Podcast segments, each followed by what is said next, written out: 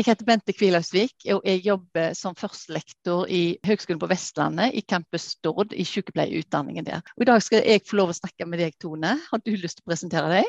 Hei, Bente. Ja, det har jeg. Jeg heter Tone By. Jeg er generalsekretær i Livsglede foreldre. Vi er jo en organisasjon som skal skape gode og meningsfulle hverdager for alle eldre i Norge. Og sammen med sykepleierne så skal vi faktisk endre eldreomsorgen i Norge. Eh, Livsglede foreldre er en kjempeviktig organisasjon. Fordi at nå per i dag så er vi bekka over en million eldre. Vi har snart 120 000 eldre med demenslidelse. Og det er kjensgjerning at vi mangler sykepleiere. Ja. Det vet hele Norge nå. Og mm. i tillegg så er kommunene ganske så kjørt økonomisk. De har et press på seg for å utøve helse- og omsorgstjenestene som loven tilsier. Vi er nødt å tenke helt nytt når det gjelder eldreomsorg i Norge. Så her snakker vi innovasjon? Ja, her er vi en innovativ organisasjon. Og det er jo litt morsomt når vi heter Livsglede for eldre. Og vi er en stor støttespillere til sykepleierne, så sykepleierne kan få lov å få den anerkjennelsen de trenger ute i eldreomsorgen. Har vi tid til å gi psykososiale behov eh, tilstrekkelig oppmerksomhet? Vi har faktisk ikke noe valg, vi må det. Ja. god helse skapes utenfor helsetjenestene, og nettopp i det å gi psykososiale tilbud. Vi har jo Vår bærekraftige organisasjon er, den viktigste avdelinga vår, det er Livsgledehjemmene. Og det er jo der våre sykepleiere som er ute og sertifiserer nye sykehjem, jobber. Livsgledehjem er et kvalitetsstempel og en nasjonal sertifiseringsordning som fungerer som et systemverktøy som bidrar til at eldre som bor på institusjon, får ivareta sine psykososiale behov. Det er en annen måte å strukturere sykehjemmene på. Og vi ser at det koster ikke kommunene mer på sikt. De ansatte som jobber i Livsgledehjem, trives bedre på jobb. og det gjør vi ved enkle midler. Mm. Så det blir ikke eh, dyrere, det her? På sikt så sparer de penger ved at eh, frivillighet blir organisert inn på en god måte. Skole. Vi har jo en annen avdeling som heter frivillighet og generasjonsmøter, hvor vi har 511 mm. barnehager nå. Vi har 250 ca. skoler, skole. Og vi har egne lokalforeninger. Når vi begynner å strukturere arbeidet i livsgledehjemmene, så kommer det jo ressurser inn. Og de som gjør det, de sparer jo penger på medisinering. De mm. eldre er roligere, de sover bedre på natta, de trives bedre. Så det er bare en vinn-vinn-situasjon. Og hvis vi klarer å tenke innovativt og nytt på hjemmetjenestene, så vil de eldre få riktig hjelp til riktig tid. De ansatte vil kunne jobbe mye mer effektivt uten å slite seg ut, og kommunene vil spare penger. Mm -hmm. Tenk deg, Bente, hvis vi kunne ha putta sykepleierkompetansen, fysioterapikompetansen og ergoterapikompetansen inn i en plattform, mm -hmm. utvikla et kartleggingsverktøy som sykepleierne eller faktisk eh, vi sjøl kan kartlegge oss med. Tenk at hjemmetjenesten drar ut med tidlig innsatstid. Dra hjem til Karl, sett seg ned, åpne telefon og åpne Livsglede foreldre sin app. Og der kan du altså legge inn eh, persondataene til Karl. Så kan du krysse av om han samtykker for at det her skal deles med kommunen, eller om han bare vil holde det sjøl. Så hvis du som sykepleier sitter hjemme hos han Karl, så kartlegger du ham. Helse, medisin, nettverk. Ut kommer det riktig hjelp til riktig tid. Og kanskje det er et helt annet behov enn du som ansatt tenker. Og kanskje Karl også blir forbausa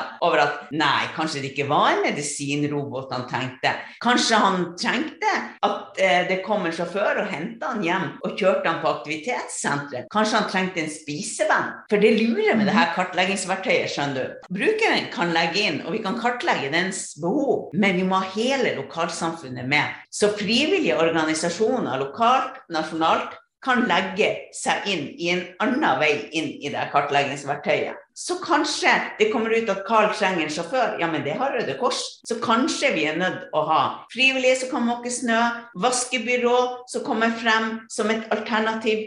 Og det mhm. store, flotte her er at vi løser et stort samfunnsproblem. For på velferdsteknologifeltet så vet vi at her finnes det utrolig masse gode løsninger som ikke blir tatt i bruk i dag. Så hvis velferdsteknologiaktører kan bli sertifisert til å få legge seg inn i det her programmet Hva vil sykepleiere kunne legge inn? For du snakket om at du ville hatt alle profesjonsgruppene til å legge inn sine kartleggingsverktøy. Er det det du tenker da? Er det at sykepleiere legge inn i forhold til grunnleggende behov? Og så er det da sånn, hvis en skal tenke personsentrert omsorg, for det har jeg oppfatta som at dere har tatt som utgangspunkt. Men er det da sånn at eh, pasient i lag med den som kommer ut med dette kartleggingsverktøyet, da selv evaluerer seg, eller er det sånn at det er fagpersonen som er med å evaluere eller kartlegge? Kanskje det er hjemmesykepleien som kartlegger de eldste.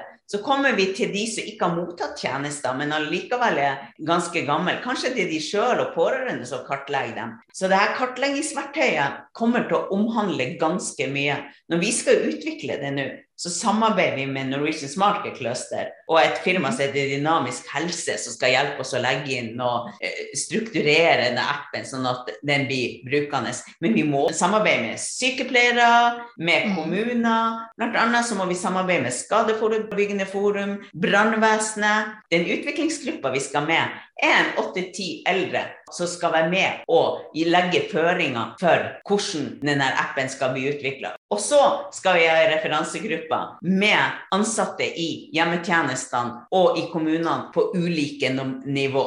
Den ideen har vi stjålet hos et godt selskap, No Isolation. Når de utvikla Kompen Komp er et kommunikasjonsverktøy for ikke-digitale eldre. Kjempefint til bruk på sykehjem til mhm. eldre som bor på sykehjem. Når de utvikla den, så tok de eldre med helt fra begynnelsen av for å få utvikla den. Og det er jo en avansert datamaskin, men det er ingen touch eller noen ting. Det er en enkel skru, sånn at alle klarer å bruke dette verktøyet til å kommunisere med andre med. Innovasjon Norge de mhm. ble veldig veldig engasjert i ideen, og vi skal ha mhm. flere møter med dem, det Smartby-avdelinga, sånn at de kan være med og sette sitt eh, fokus på det. Og så trenger vi selvfølgelig penger til å mhm. utvikle det videre. NHO har sagt at de kan være med eh, når vi har fått inn en del kommuner, og kommuner har tatt kontakt og vil være med. Så at vi ser at det her er et stort behov. Tenk deg som nyutdanna sykepleier så har du fått deg jobb i hjemmetjenesten. Hvis du kan ta med deg smarttelefon, og så har du det her verktøyet første gang du skal hjem til en bruker, det mm. gjør jo jobben din mye enklere. Ja, men det, hvis det er så mange fokus nå, da, så gjør det sånn at det her vil ta veldig lang tid å kartlegge med det verktøyet. Og det er det sånn at det er det psykososiale og eksistensielle behov som er kartlegger. For det er jo mange andre ting.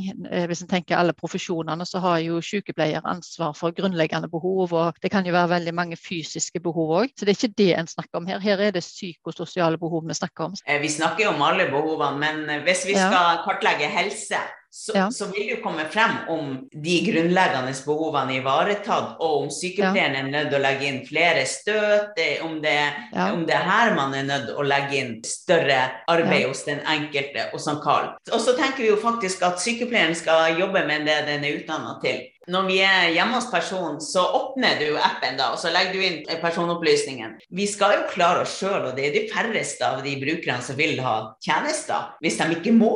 Sånn at eh, hvis du trenger helsehjelp og dekker noen grunnleggende behov av sykepleieren i kommunen, så kanskje det at frivilligheter kan dekke de andre behovene. Mm. Hva tenker du i forhold til kognitiv svikt her med denne appen? Ja, vi er nødt, og det, der er det jo, der trenger vi jo pårørende med på laget. Så det er veldig viktig for oss å ha pårørende med som er pårørende til noen med demens, sånn at vi får den faktoren med. Og vi tenker jo at vi har over 100 000 med demenslidelse i Norge i dag, og vi vet jo at i dag bor de fleste hjemme. Og det kommer jo ikke til å bli annerledes i fremtida. Sånn at det vil jo også kunne hjelpe pårørende og den ansatte å få synliggjort de behovene til de som kanskje bo hjemme og ikke helt klare å klarlegge sjøl hva de har behov for. Mm. Ja, og hva med den pårørende? Har du noen tanker om det? En kan få litt avlastning ved hjelp av frivillige f.eks. Tenker du det? Ja, vi får jo stadig vekk tilbakemeldinger fra Pårørendealliansen og andre som jobber tett med pårørende, at pårørende er utslitt. Og eh, de har nok arbeidsoppgaver i dag som det er. Mm. Så kompetansen ligger jo i samfunnet. Vi bare henter den inn og koordinerer den. Ja. Har dere noen foreløpige resultater på dette? Nei, Vi har ikke kommet så langt at vi har foreløpige resultater, men vi har hatt en pilot i Lund kommune. Ja. Og de er kjempeengasjert. Men den piloten har dreid seg veldig mye om det psykososiale. Ja. Eh, og vi ser jo at det er veldig, veldig, veldig viktig, og kanskje må være bærende for det vi gjør. For det klarer ikke noen andre å ivareta. Det er vel det livsglede for eldre egentlig er først og fremst kjent for, er det ikke det? Dette ja. med psykososiale behov som er lovpålagte tjenester som vi skal ivareta. Og hvis en tenker sykepleie, så er jo psykososiale behov og eksistensielle behov òg er jo ting som hører til i sykepleiers kartleggingsverktøy? Vi hadde en samtale med en sykepleier som var leder av hjemmetjenesten i en liten kommune. Hun satt med store tårer i øynene og sa at det var helt forferdelig å jobbe og se at du ikke fikk dekket de behovene. Mm. Og det her skaper veldig mange muligheter også for at sykepleierne skal gå hjem med god samvittighet når de har vært på jobb i hjemmetjenesten. En gang vi hadde Livsglede for eldre-seminar Campus Stord i sykepleierutdanningen her, og da var det noen som sa at jeg hadde tenkt at jeg ikke skulle jobbe i eldreomsorg, men nå tror jeg jammen jeg har lyst til det.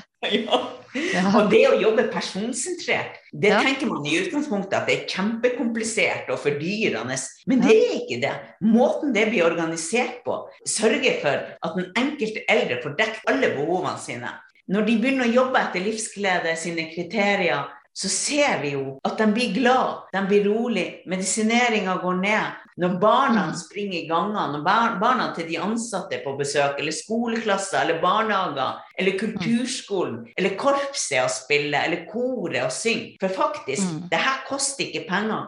Det koster bare å tenke annerledes og mm. strukturere ting på en annen måte. Mm-hmm. Jeg har en drøm om at vi skal åpne sykehjemmene, og vi skal åpne åpne hjemmene der de eldre bor som aldri kommer seg ut, sånn at de mm. kan være en del av lokalsamfunnet. Mm. Kjøkkenene på sykehjemmene kan jo være kafeer i småsamfunn som nesten ikke har kafeer. Hvorfor i all verden skal ikke det gå? Ja. Det er fantasien som setter grenser. Ja. Jeg starta i dag med å si at vi jobber med å sette et kvalitetsstempel på eldreomsorgen. Og vi ser når vi kommer ut at de sykepleierne og de ansatte vi møter, de er rake i ryggen og de er stolte av jobben sin. Og det er jo òg ekstremt viktig. Det skal være helsefremmende å gå på jobb òg. Altså, det er jo òg et krav. Ja, vi har høyt sykefravær i Norge, og vi ser jo og får tilbakemelding på at uh, hjemmene, så går sykefraværet ned. Ja. Det vil jeg tro. Har du noe inntrykk av hva det er som gjør at eh, det er en, av og til en skepsis? Handler det om kravene til taushetsplikt? Jeg tror jo at uh,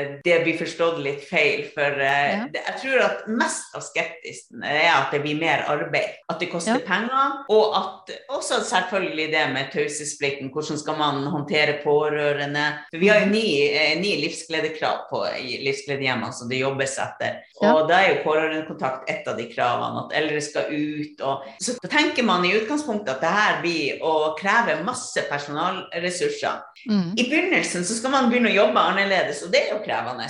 Mm. Men når de ansatte får veiledning gjennom året, år etter år, så blir det her som en helt naturlig måte å jobbe på. Det blir helt naturlig at korpset kommer og synger eller at man har fotballkamp på storskjerm. Det blir en naturlig del av drifta som er innrullert i måten man jobber på, istedenfor andre tungvinte måter man jobber på. Mm. Jeg tror at man er kjørt når man jobber i eh, hjemmetjenesten og på sykehjem i dag, og at det er derfor at man på en måte blir så sliten at når noen kommer og sier at dere kan gjøre det på en annen måte, Nei, ikke kom og fortell meg noe nytt, det her klarer vi ikke. Ja, At den er sliten, men òg at den er institusjonalisert inn i et system og en måte å tenke på som jeg i dag gammeldag. Tenk bare det at vi kaller det for sykehjem. Ja. ja.